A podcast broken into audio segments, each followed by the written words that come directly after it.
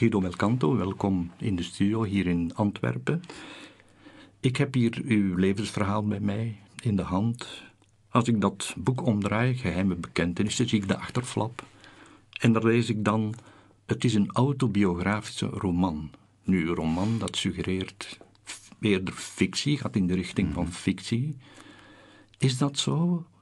Nee, uh, autobiografische roman, dat is het zeker niet. Je zou eerder het een geromantiseerde autobiografie kunnen noemen. Het is absoluut een autobiografie. Hè? De dingen die erin staan heb ik allemaal zelf meegemaakt. Het, is zijn, het zijn feiten hm. die wel op zo'n manier zijn beschreven dat het het levensverhaal leest als een roman.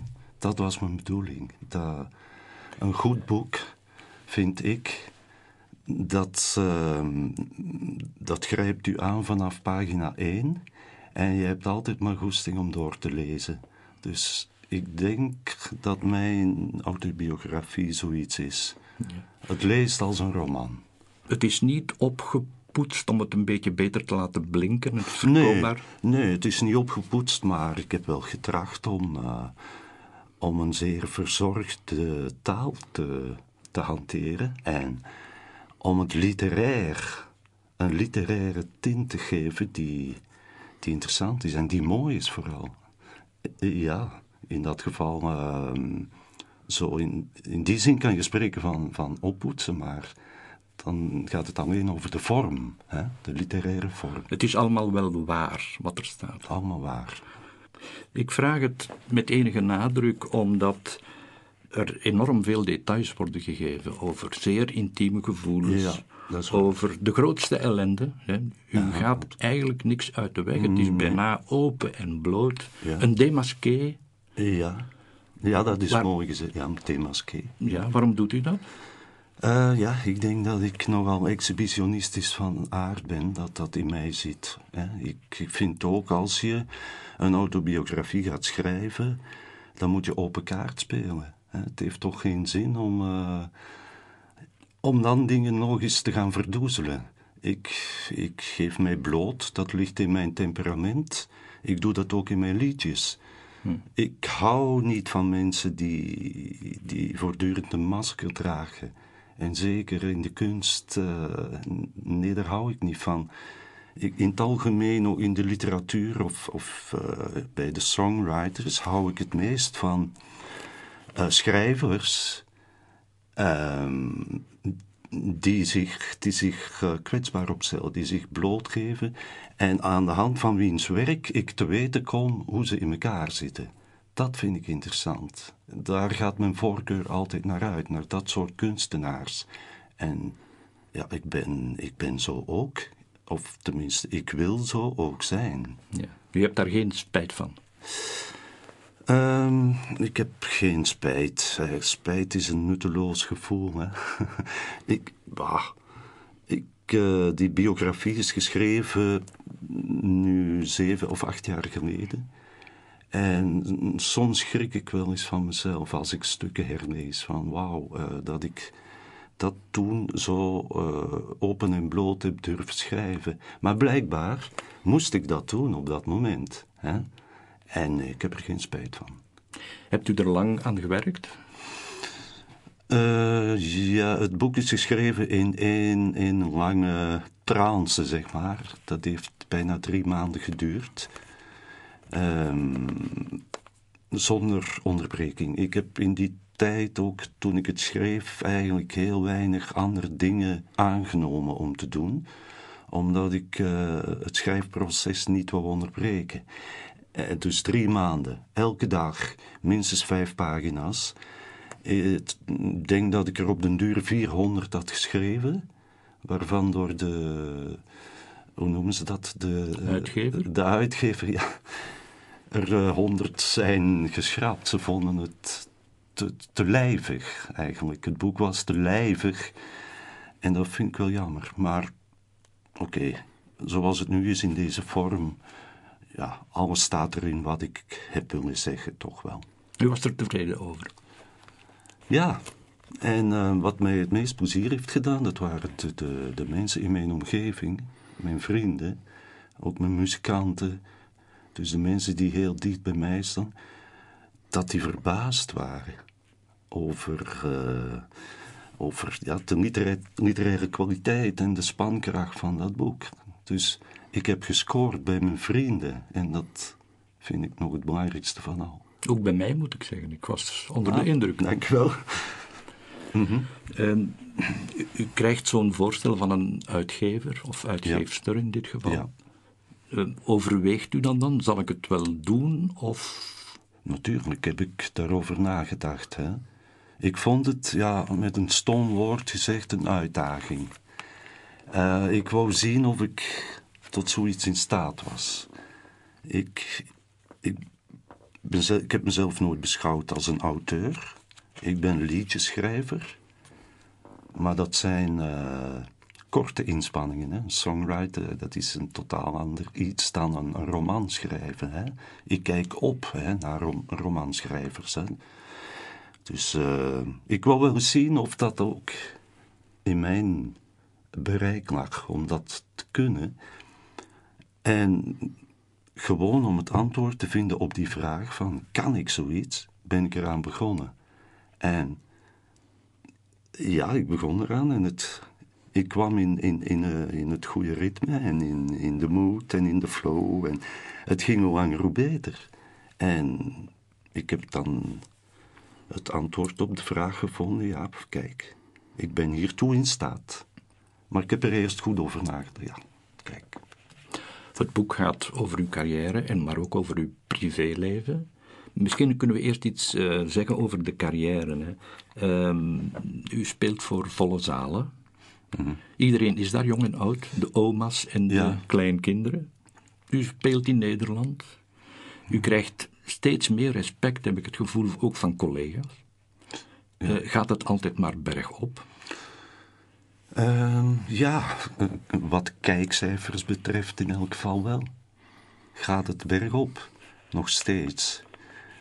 Um, en zo kunnen zeggen dat ik nu qua populariteit het, bijna hoogtepunt heb bereikt. Ik, ik vind het zelf wel goed zo.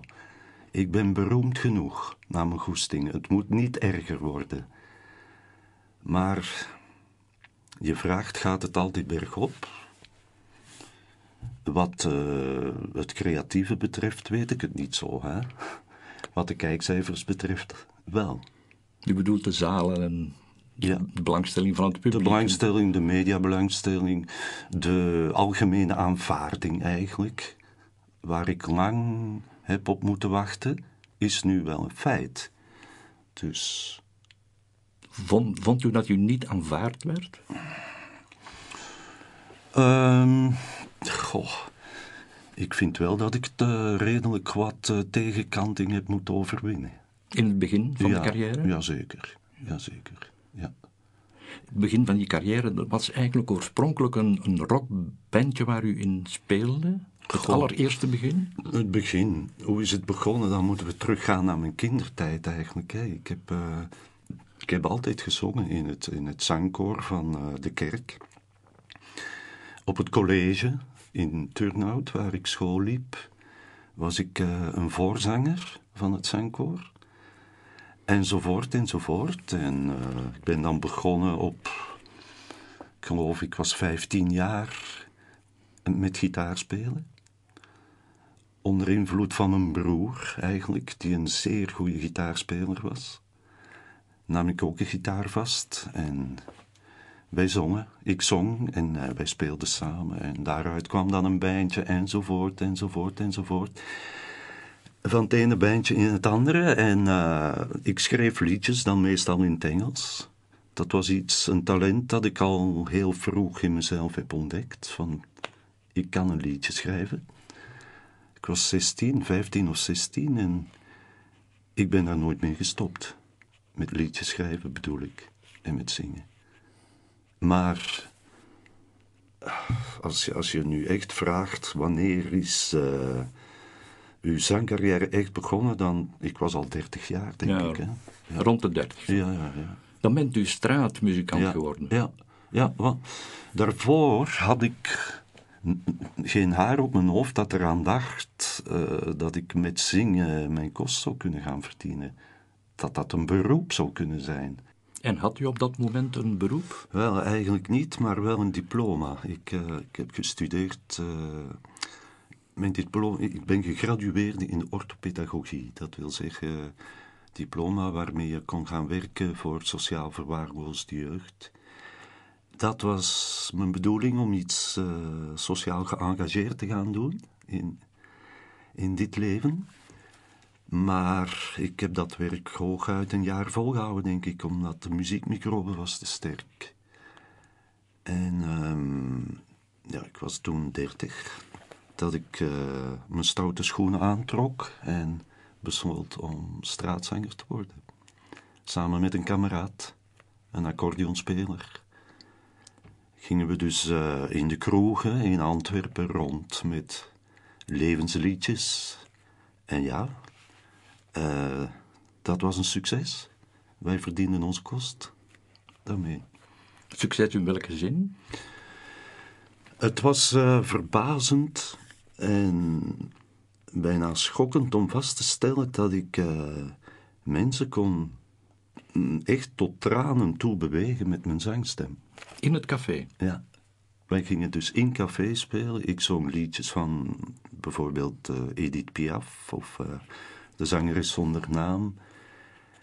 En ik zag dat er vrouwen begonnen te wenen. Dat, dat was voor mij wel um, een, een ongelooflijke ervaring en een, een signaal van, ja kijk, uh, iets mooier kan je toch niet gaan doen in je leven dan mensen ontroeren met uw zangstem. Dat uh, een talent van de natuur waarmee je andere mensen kan ontroeren. Dat is iets. En toen wist ik het. Uh, hiervoor moet ik gaan. Ja, u zegt ergens: ik heb toen het licht gezien. Ja. Dit wil ik mijn hele leven gaan doen. Ja, voilà, dat uh, bedoel ik, inderdaad. En u hebt het dan ook gedaan? Ik heb het gedaan.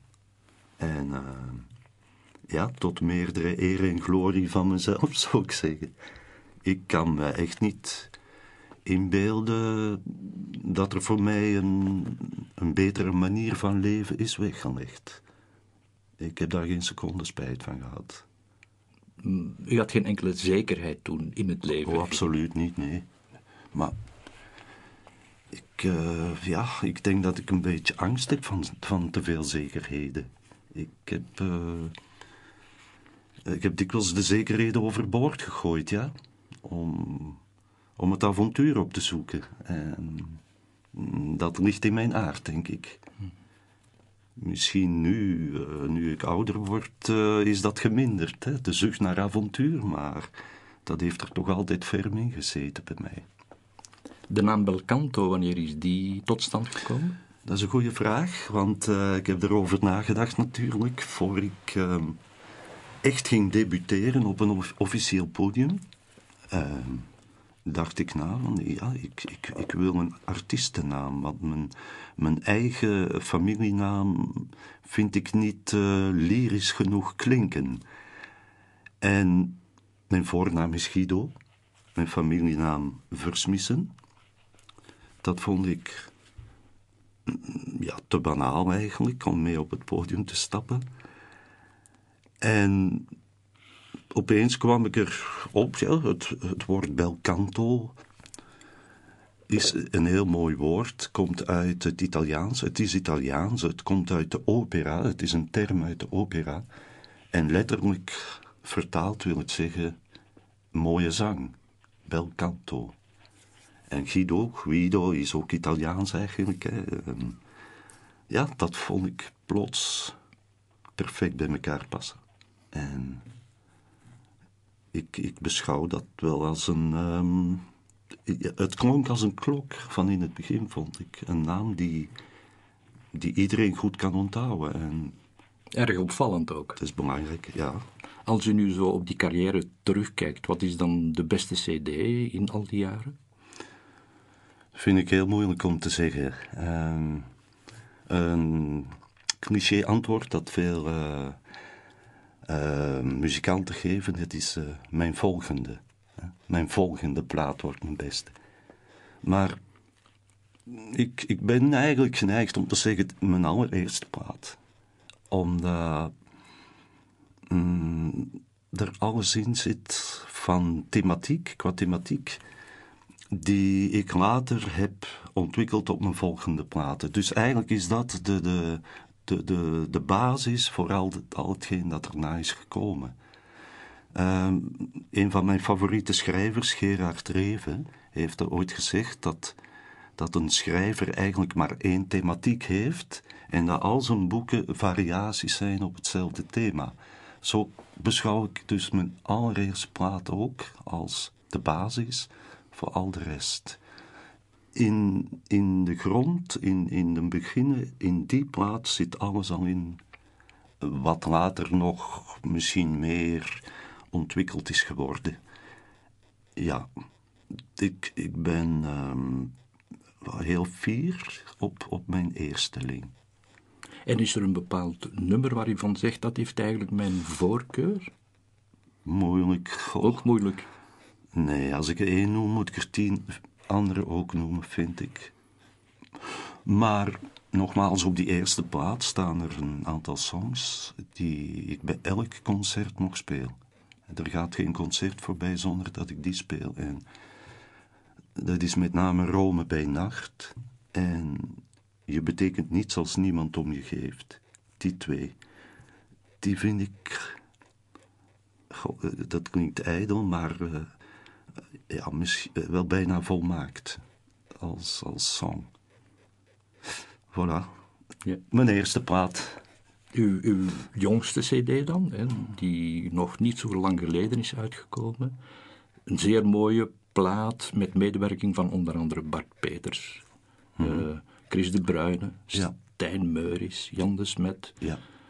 Dat moet eigenlijk ook wel iets doen dat die mensen bereid zijn om hun medewerking zeker, te verlenen. Zeker. Eigenlijk in. Uh, de plaat heet Cavalier Seul. Zo kan je mij wel bestempelen als een cavalier Seul. Ik heb wel het gevoel dat ik het allemaal een beetje op eigen houtje heb klaargespeeld. Maar dat is natuurlijk in, in tegenspraak, omdat ik uh, net op deze plaat zoveel, zoveel medewerking heb gekregen van uh, bekende mannen en goede collega's. En ja, dat bewijst toch uh, het toegenomen respect van collega's voor wat ik doe. En dat verblijdt mij natuurlijk. Want ik ben ik ben niet zo iemand die vaak in contact komt met, met andere zangers of andere muzikanten. Ik, ik, ik, uh, nee, ik ga nooit naar, naar feestjes van de, de muziekbusiness of zo.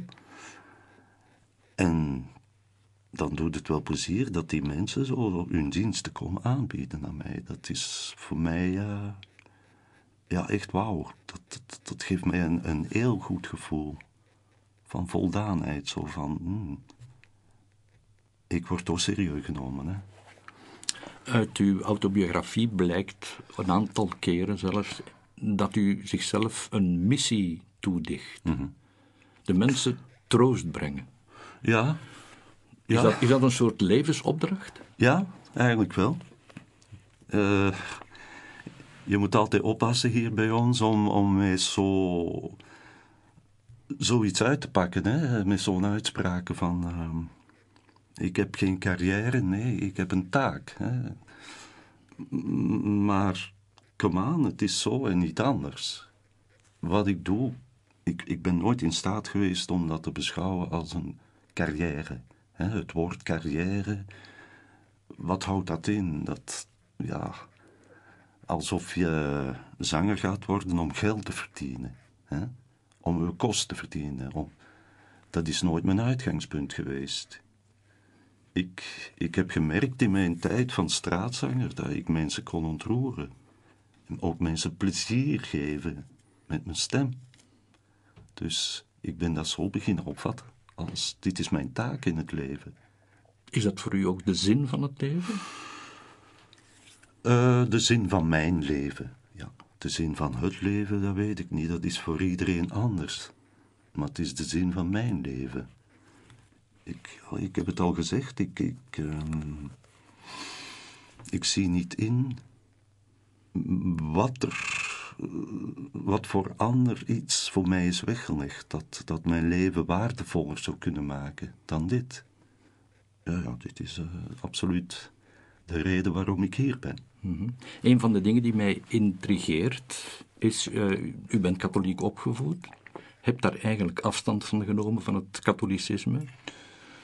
En toch zegt u, ik heb een engelbewaarder. Ja, kan je ooit echt helemaal afstand nemen van uh, zo'n katholieke opvoeding, vraag ik mij af. We zijn, uh, ik ben echt wel ingeblikt. En dat, dat spijt me niet echt ook niet. Omdat het toch een goede voedingsbodem is, vind ik, voor een kunstenaar. Um, en die engelbewaarder, ja, um, is iets waarvan ik denk dat die aanwezig is, heel de tijd. Ik, uh, ja, ik prijs mij gelukkig dat ik er nog ben. Ik heb wel uh, momenten gehad in mijn leven dat ik dacht, ja, hier geraak ik nooit meer uit. Maar toch, uh, ik, ik wil daar graag in geloven. Ik, ik las in een interview dat u ooit in de bergen verzeild was geraakt met de auto en dat die opeens blokkeert. Ja. En dat zijn een paar voorbeelden van die engelbewaarder. Hoe zat dat precies in elkaar? Ja, dat was... Uh, uh, mijn auto die uh, blokkeerde de, de, in, in um, een heel, heel gevaarlijke afdaling van de Col d'Alos. De, de, wielrenners kennen die afdaling, die is super gevaarlijk met loodrechte ravijnen van honderden meters diep. En, en zonder muurtjes. Uh, men had me gezegd dat, dat je nooit in, in zo'n lange afdaling constant mag remmen in de bochten. Je moet remmen op de motor. Hè? Je moet freinen op de motor. Dat deed ik dus heel de tijd. Ik, maar ik beging de fout om mijn uh, koppelingspedaal, de embrayage, heel de tijd ingedrukt te laten. En plots uh, had ik geen, geen koppeling meer. Had ik, kon ik niet meer schakelen en niet meer remmen op de motor. En dan moest ik wel mijn, rem, mijn rempedaal gebruiken. En toen heb ik echt uh, doodsangsten uitgestaan. M maar ik ben er goed uitgekomen. Dat is maar één voorbeeldje. Want er zijn er nog. Nu eindigt er aan een garage, heb ik gelezen. Ja. Mijn auto bleef dan bommen. Ik kon, ik kon die motor niet meer aanzetten of niks. Uh, het bleef zo zachtjes bergaf gaan. En ik viel stil vlak voor een, een garage. En uh, daar hebben ze me ineens kunnen maken. Mm -hmm. Dus voilà, dat is toch één voorbeeld. Ik kan er nog noemen, maar... Ja. Ik, geloof, ik geloof wel in een... Ja, dat ik beschermd ben. Op een of andere manier.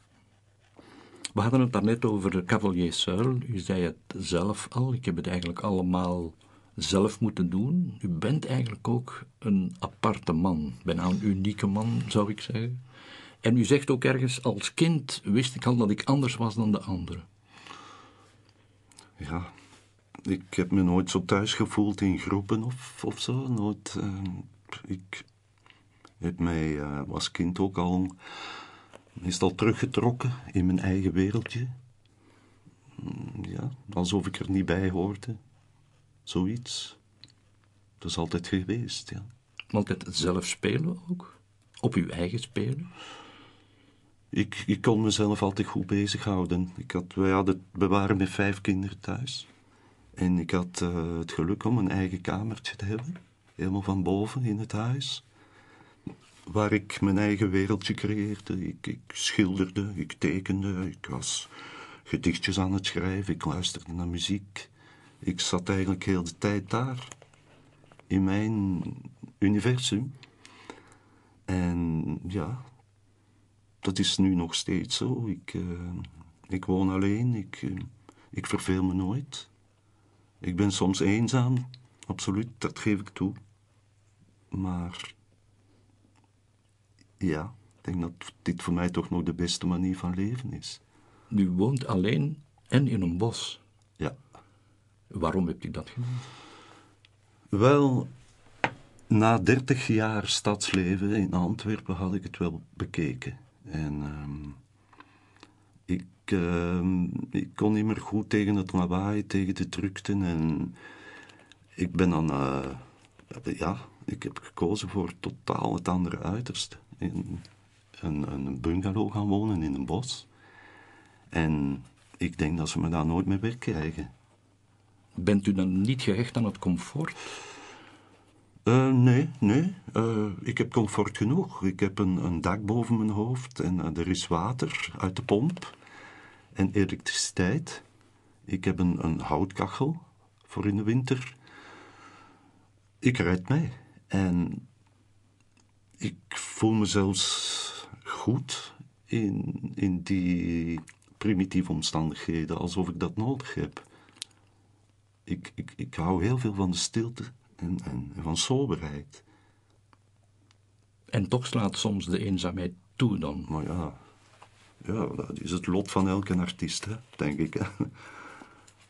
Je bent, uh, denk als artiest heel moeilijk in staat om, uh, om met anderen te leven. Dat, uh, allee, voor mij is dat niet weggelegd. Dat, nee, daar geloof ik niet in. Elke artiest is, is fundamenteel alleen. Je, je krijgt inspiratie.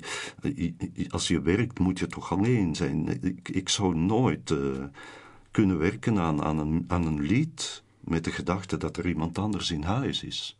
Ook al zit hij op bovenste verdiep en jij zit beneden. Hmm. Zo, zo mee verlammen. Dus een vrouw kan eigenlijk niet bij u wonen? Een matrelatie, ja. Nee, nee, nee. Ik deug niet voor, uh, voor het samenwonen met de vrouw. Ik denk, uh, nee, dat wil ik uh, die dame toch niet aandoen. Dat, dat is niet voor mij weggelegd. U hebt drie zonen bij, ja. bij twee vrouwen. Ja. Staan die vrouwen er niet op van wij willen bij u zijn? Of anders gezegd, heb u Ach, geen... Nee, dat, dat, was op voorhand toch al duidelijk. Ze wilde graag een kind van mij, wat een grote eer is voor een man, hè? toch?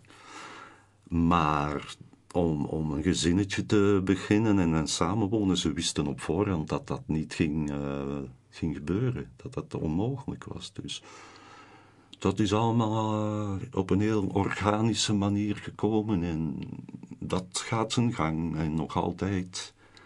Wij komen goed overeen en die jongens komen absoluut niks tekort. Dat, nou, daar heb ik wel geluk mee. Zowel met de, met, met, de, met de moeders van mijn zonen als met mijn zonen zelf. Zegt u nu monogamie, dat is eigenlijk niks voor mij? ik zou wel willen dat ik het kon, hè. En misschien ehm, heb ik nu wel de leeftijd om eraan te beginnen, ja, maar... Het leven is gegaan zoals het is gegaan. En uh, ja, uh, monogaam eh, kan je dat moeilijk noemen. Um, maar ja.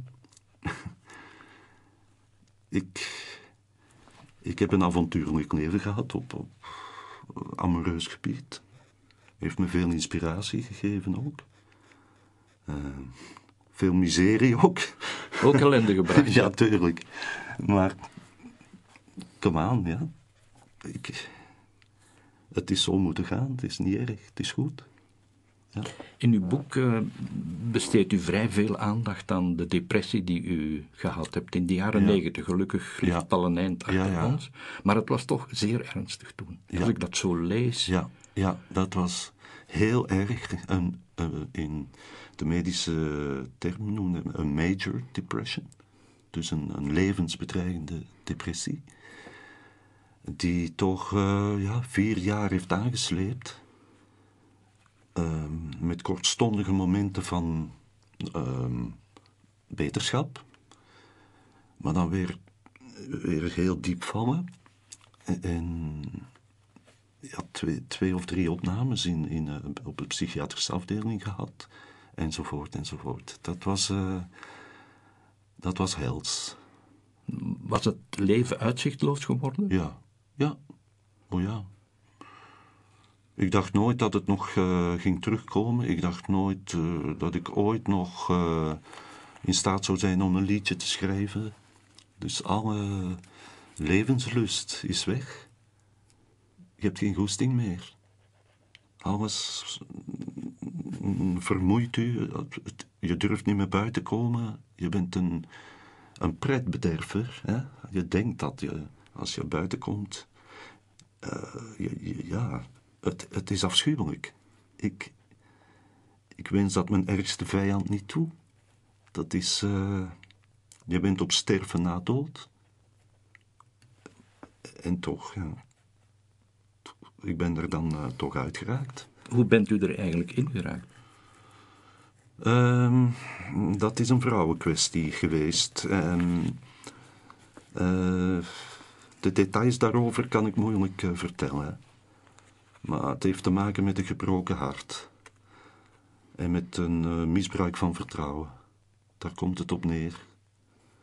Als je ja, iemand helemaal vertrouwt en dat eh, vertrouwen wordt misbruikt, dat is keihard, vind ik. Voilà, en ik weet niet, ik, het werd eh, langer hoe erger tot, tot de, de bodem was bereikt. Ja, is, Ik meende ook een verband te zien met het feit dat u die worteling hebt doorgemaakt van ga ik me outen als Ah, ja. travestiet of niet? dat heeft er ook zeker mee te maken. Hè. Ik, eh, dat is nu weer een ander onderwerp. Ja. Ehm, de travestie, ja, ik ben er vooruit gekomen toen ik, toen ik in de veertig was, denk ik. Ik weet het al niet meer. Ehm, op het moment dat ik mijn depressie zo goed als overwonnen had, ben ik daarmee naar buiten gekomen in, in de media. En dat was een risico, maar ik stond er niet bij stil, bij de gevolgen. In welke zin een risico? Ehm, een, een commercieel risico. Dat de fans het niet zouden ja, nemen? Ja, voilà. Hè? Dat ik eh, mijn eigen ruiten zou ingooien. Ehm, maar je vroeg mij of, of dat een reden was voor mijn depressie. Hè? Mhm. Ik denk het ook wel, hè? omdat ik eh, dat altijd verborgen heb moeten houden, die geaardheid. En dat wreekt zich op den duur toch wel. Dat was een mede-oorzaak, zeg maar. U zegt moeten houden. Waarom? Goh, ja, ik, ik, durfde, ik durfde niet eh, daarmee naar buiten komen. Ik, ik was beschaamd daarvoor eigenlijk. Ja, dat gaf mij een schaamtegevoel. Het is eigenlijk veel gemakkelijker voor iemand die homoseksueel is om daar vooruit te komen hier. Hè. Dat is, eh, oh ja, dat is, dat, dat doet nog, no- nooit nog stof opwaaien. Maar, maar travestiet zijn is iets anders. Dat is iets veel, veel krankzinniger in de ogen van de mensen. Dat is iets onbegrijpelijk, iets onverklaarbaar, iets... Voilà, ik, ik neem de mensen dat ook niet kwalijk. Terwijl het eigenlijk niet abnormaal is. Het is Oh, geen ziekte. Het is absoluut geen ziekte. Het is, ik noem het een geaardheid. Ik weet niet of ik ermee geboren ben of het is aangeborven tijdens kinderjaar. Dat weet ik ook niet. Maar het is absoluut geen ziekte en absoluut niet iets om over beschaamd te zijn ook niet. Kunt u dat omschrijven wat het precies is? De onweerstaanbare drang eh, van een man om zich af en toe te kleden eh, zoals het andere geslacht. Ja. En is dat een kwestie van, van leven of dood? Bij mij niet. Eh, maar eh, ik merk wel als ik, eh, als ik op, op reis ben of zo, dat, dat ik dat mis. Hè? Als ik thuis ben, kan ik dat doen, maar zo, het is toch een, een, een behoefte, ja. Maar op leven en dood, ben, dat zou ik niet durven zeggen. Het ouden, was dat een kwestie van leven of dood? Ehm, op dat moment wel, ja. Ik dacht, nu, nu moet ik er vooruit komen, anders ga ik voor de rest van mijn leven een gefrustreerde mens zijn. Ik heb dat dan gedaan. Dat kwam natuurlijk ongelooflijk in, in de pers. Ik had het effect ervan overschat, onderschat, excuseer, eh, de reactie. Het sloeg in als een bom. Ja, dat sloeg in als een bom. dat had ik echt fameus onderschat. Ik had niet gedacht dat dat uh, zo, zoveel stof zou doen opwaaien. En daar ben ik wel van geschrokken. Ja. Heb, hebt u het zich aangetrokken? Ik trok het mij aan, omdat het voor, voor, mijn, voor mijn familie was het misschien nog erger hè, dan voor mij. Hè. Ja, want u hebt een brief geschreven naar uw moeder om, ja. om te zeggen, ik ga Ik ga dat, mij outen. Ik ga mij, natuurlijk, ik, uh, ik wilde niet dat, uh, dat zij dat uit de pers zou vernemen. Dat zou pas uh, shocking zijn geweest voor haar. Dus ze wist het. Ze wist het, maar ja, dan nog. Ja, kijk. Maar ja, dat is allemaal gebeurd en kijk, misschien heeft het mij op echt lange termijn nog voordeel opgeleverd, omdat uiteindelijk de mensen u wel bewonderen omwille van uh, eerlijkheid. Hè? De mensen hebben respect voor. Uiteindelijk hebben ze respect voor wie eerlijk is. Eerlijk duurt het langst. Het is zo toch? Er is toen een, een geweldige controverse ontstaan rond die outing. Op een bepaald moment zegt u ergens van: Ik begon er plezier in te vinden in de controverse. Ja, dat is waar. Een beetje, ja, genieten van de tegendraadsheid. Dat heeft er bij mij ook altijd in gezeten. Uh, ik heb nooit echt mijn best gedaan om, om in het rijtje te lopen of, of om te beantwoorden aan, aan de verwachtingen. Ik denk dat je dat als artiest ook niet mag doen. En als er controverse is rond uw persoon, moet je dan niet om treuren. Integendeel, ik denk, uh, dat is goed. Dat is goed. Van het moment dat iedereen u, u goed vindt, en dan wordt het misschien wel saai. Hè? Mm. Het woord tranendal valt nogal dikwijls in uw boek en in interviews. Ja. Zo. Is het leven voor u een tranendal? Um, goh, fundamenteel ja. Ja, fundamenteel ja. Maar kijk, ik, ik, zit hier niet als een treurwilg. Ik, uh, ik kan elke dag wel uh, een paar keer goed lachen ook. Um, maar ik vind het een tranendal. Waarom? Wij worden geboren, wij worden hier gedropt zonder dat we erom hebben gevraagd. Hè? En de enige zekerheid die we hebben is dat wij moeten sterven. Dus dat is eigenlijk uh, fundamenteel iets tragisch, hè? vind ik. Wij hebben er niet om gevraagd om hier te zijn. En wij moeten het maar zien te rooien. En de enige zekerheid die we hebben is, we gaan eraan. Voilà. Dat is, uh, dat is tragisch, maar daarom niet getreurd, vind ik. Um, je kan het leven ook ombuigen in een overwinning. Er zijn bewijzen genoeg voor. Doet u dat? Een overwinning. Ja. Ik denk wel dat ik in de ogen van de meeste mensen een, een winner ben en, en geen loser. Maar zo zie ik mezelf niet. Nee, ik, ik zie mezelf niet als een winnaar. Ik.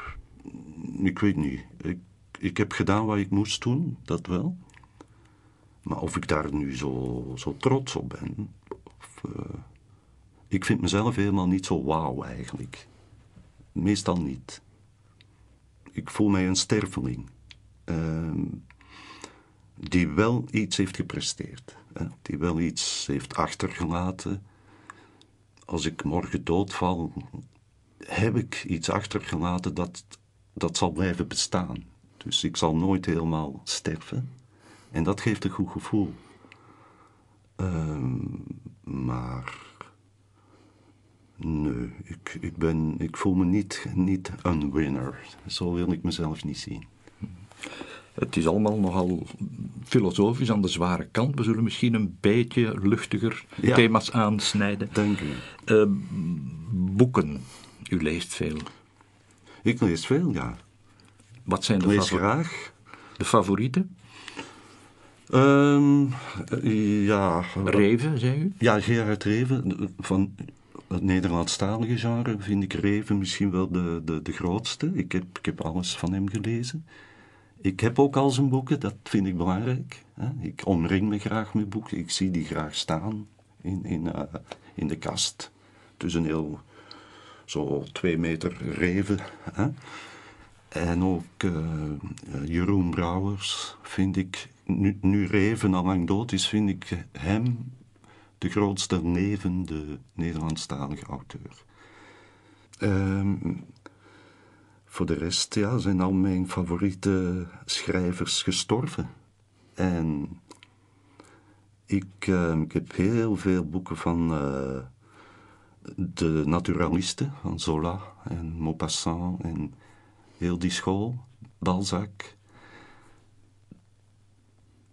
Eh, hoe moet ik dat noemen? Ja, de, romantische, de, de 19e eeuwse schrijvers, eh, Oscar Wilde enzovoort. Ik lees veel eh, ook biografieën van schrijvers. Ik ben meer bezig eigenlijk met literatuur dan met muziek. Dat is zo. Want dat is eigenlijk literatuur, wat u schrijft. Oh, een songtekst, kan dat literatuur zijn? Denk het wel. Wel, ik vind een songtekst goed. Op, op zich staand als je hem ziet afgedrukt op papier. En je kan hem lezen als, als, als was het een gedicht. Begrijp je? Dan, dan vind ik, eh, ja, dat is een goede songtekst. Maar je hebt ook veel heel goede songs. Ehm, maar als je dan de woorden van de muziek loskoppelt, zijn, hebben die weinig betekenis. Maar samen met de muziek klinkt het dan weer fantastisch. Maar bij mij, ik denk, je kan de, teksten van mijn liedjes apart beschouwen als, als gedichtjes bijna. Het moet ook altijd rijmen, hè, bij mij. Hè. Dat is ouderwets, maar ik hou daarvan. U leest ook wel filosofen, hè? Ja, Schopenhauer. Zeker. Ja, eh, Schopenhauer eh, vooral, denk ik. Ja, de- ik ben nu eh, bezig in een biografie over Arthur Schopenhauer. Ik had alleen nog maar zijn werken gelezen, nu lees ik over zijn leven. Ja, dat is verhelderend. Het geeft ook troost. Schopenhauer geeft troost.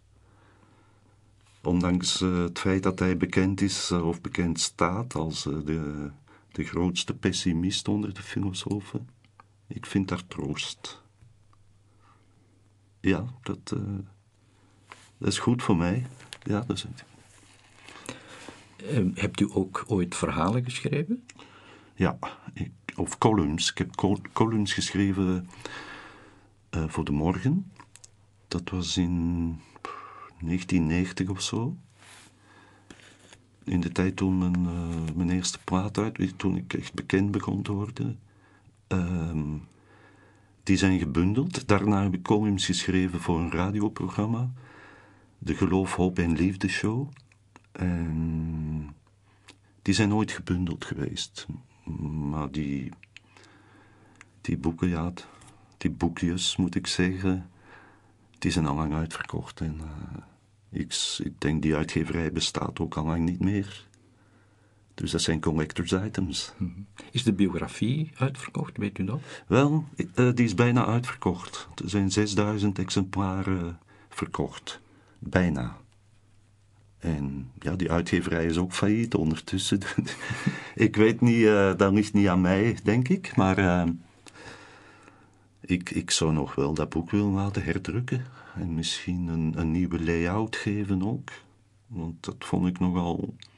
Dat was voor verbetering vatbaar. Ja, het mag er toch wel zijn. Guido Fietsen. Het, u fietst enorm graag en veel, denk ik. Ja, ja, dat is. Klimmen.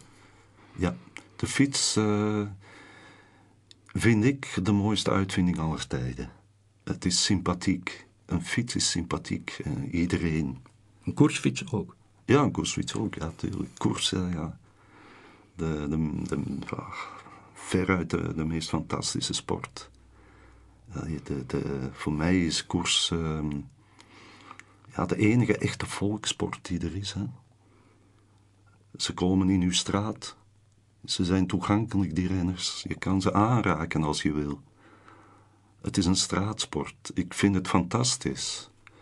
En ja, mijn helden, dat waren coureurs. Hè? En als kind. En ik, als ik van één ding spijt mag hebben in mijn leven, dan is het misschien dat ik nooit coureur ben geweest.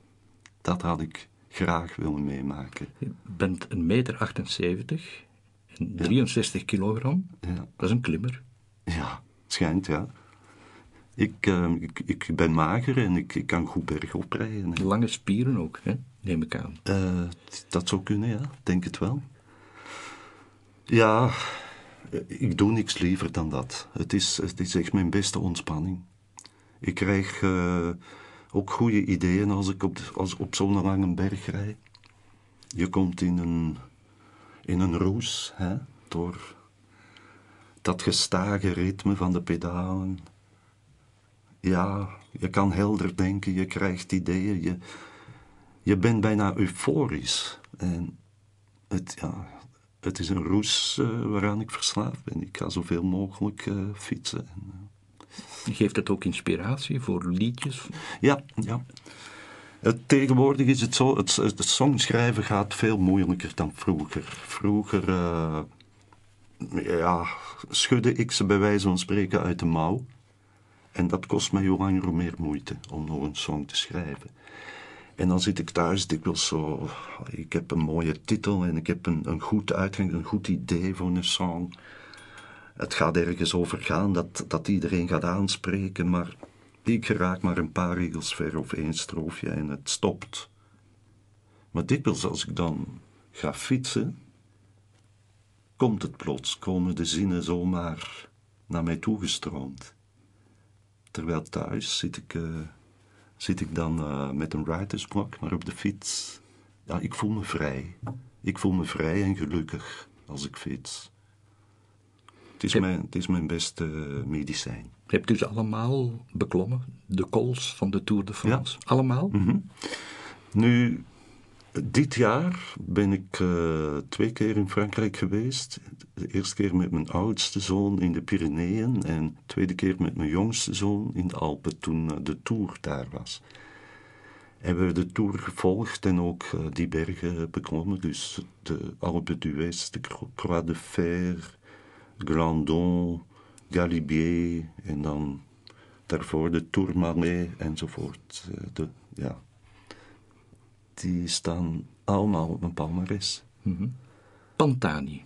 Dat is uw grote idool. Ja, dat was. We we moeten helaas Zeg, ja. was zeggen. Hij was. Ehm, waarom? Hij was ook een cavalier seul, hè? Een, absolute individualist. Ik vond, ik vond hem een kunstenaar op de fiets. Ja. Heeft hij trouwens ook gezegd, eh, een van zijn uitspraken is van, ik rij geen koers, ik geef een voorstelling. Spontani, die gaf een voorstelling voor de mensen. En ja, ik, ik vond hem weergaloos. U hebt hem ontmoet Mhm. via Rob van Oudenhoven Ja, dat klopt. in een televisieprogramma. Ja, Eh, had u contact met hem? nee, eigenlijk niet. Hij werd zodanig afgeschermd hè, door zijn entourage, zijn manager was daarbij. Dat, ehm, dat onderhoud met Pantani heeft hooguit een kwartier geduurd. Hij spreekt, of hij sprak alleen Italiaans. Ik geen woord Italiaans. En zijn, manager zat tussen ons. Een vrouw die heel kordaat was. En, eh, die zou dan tonic spelen. En het eerste wat ze zei was: You can ask Marco one question. That's it. Ja, voilà. Daar gingen al mijn vragen. Hè? En ehm, ik had een liedje voor hem gemaakt en dat heb ik dan gezongen. En ik zag hem gaandeweg zo wel uh, ontdooien. En, en er kwam een lach op zijn gezicht. En ja, op die manier heb ik wel contact gehad met hem. Je hebt een fiets gekregen van hem? Een koersfiets? Ja, ja. ja. We zijn dan die uh, fabriek van Bianchi gaan bezoeken en toen heb ik die fiets gekregen. Die uh, mijn dierbaarste bezit is. Ik rij daar nog altijd op. Misschien nog iets over de, de toekomst. En wat, wat brengt toekomst voor u? Um, u bent 62 jaar. Was 60 jaar worden leuk? Leuk? nee, ik vind verjaren nooit leuk. Ik, ik weet niet, ik heb een heel dubbel gevoel over verjaren. Je wordt, je wordt gevierd, maar je hebt eigenlijk niks moeten doen. Ik vind, je hebt niks gepresteerd. Ik, ik word wel graag in de bloemen gezet omwille van een echte iets dat ik heb gemaakt of gedaan, iets dat iemand anders niet kan. Dan mogen ze mij vieren. Maar verjaren doet iedereen, zomaar. Je doet het zomaar. Dus mijn fans, of uh, een, een, een, groep van mijn fans, heeft toen wel een feest georganiseerd. En uh, ik ben daar met plezier naartoe gegaan. Maar uh, dat is denk ik belangrijker voor hen dan voor mezelf. Maar ik vind dat cijfer wel een beetje. ja. aanstaanjagend. Hebt u het gevoel dat, dat de neergang begonnen is? Fysiek dan bedoel ik? Nog niet. Nog niet, maar het komt dichterbij. En ik heb het gevoel, het, het spijtige gevoel, dat, dat mijn leven te kort gaat zijn. Sowieso. Ook al uh, komen er nog twintig jaar in gezondheid. Dat vind ik nog te weinig. Eigenlijk ben ik hier heel graag. En ik zou wel 120 willen worden. Om, om nog, nog zoveel mogelijk mooie muziek te maken, of een boek te schrijven, of, of een, een, in een film te spelen, of in een opera te gaan zingen. Voilà. Het gaat kort zijn. Dat weet ik nu al. Een van uw grote angsten is haar verliezen. ja. Maar u hebt het nog, u hebt het... Volgens mijn kapster uh, zit dat wel goed, ja. Uh, ik moet me geen zorgen maken. Maar het is, het is zo, ja. Ik, uh, Hebt u ik nog... zou moeilijk zo kaalhoofdig door het leven kunnen gaan met hetzelfde goede gevoel dat ik nu heb, denk ik. Ja. Hebt u nog grote plannen? Nee, eigenlijk ik heb nooit grote plannen gemaakt. Ik ben nooit een, een plannenmaker geweest. Ik, heb, ik leef eigenlijk van dag tot dag. En gelukkig heb ik een goede manager die voor mij plannen maakt. en dan uh, komen wij regelmatig samen en dan ontvouwt hij een plan. En dan zeg ik ja of nee. Dus dat is een comfortabele situatie. Maar ik kan moeilijk vooruitdenken dat is heel moeilijk, vind ik. Dat ligt niet in mijn aard. Maar bijvoorbeeld een volgende CD, bent u daarmee bezig? Ja, dat wel. Uh, ja, artistiek uh, heb ik altijd wel een plan in mijn achterhoofd. En die volgende CD, ja, ja, daar ben ik al um, een beetje, ja, on, onbewust misschien mee bezig. Absoluut. Ja. U bent meer dan 30 jaar actief als artiest. Is dat dan nu nog altijd even fris en even betoverend? Moeilijk. Ik vind dat moeilijk om uh, uh, het nog zo te beleven zoals 30 jaar geleden. Nee, dat is onmogelijk. Het, kijk, als je, als je voor de eerste keer de liefde bedrijft, is dat ook wel een sensatie. En dat kan een sensatie blijven natuurlijk. Mm, het, het wordt toch een beetje, hoe moet ik het zeggen, afgezaagd niet, maar van, het is van moeten zo, hè. Het is, het is precies van moeten. Je moet het nu doen. Het is uw job, het is uw vak, uw beroep geworden. Gaat, gaat, De u, onbevangenheid is weg. gaat u niet gedreven naar een optreden bijvoorbeeld? Jawel, jawel, jawel. Nog altijd hetzelfde. Ik ben nog altijd even nerveus. Ik, ik heb nog altijd plankenkoorts. En ik denk dat het goed is. Ik cultiveer die, die spanning. Ik, ik wil die niet kwijt. Ehm, dan voel ik dat ik leef.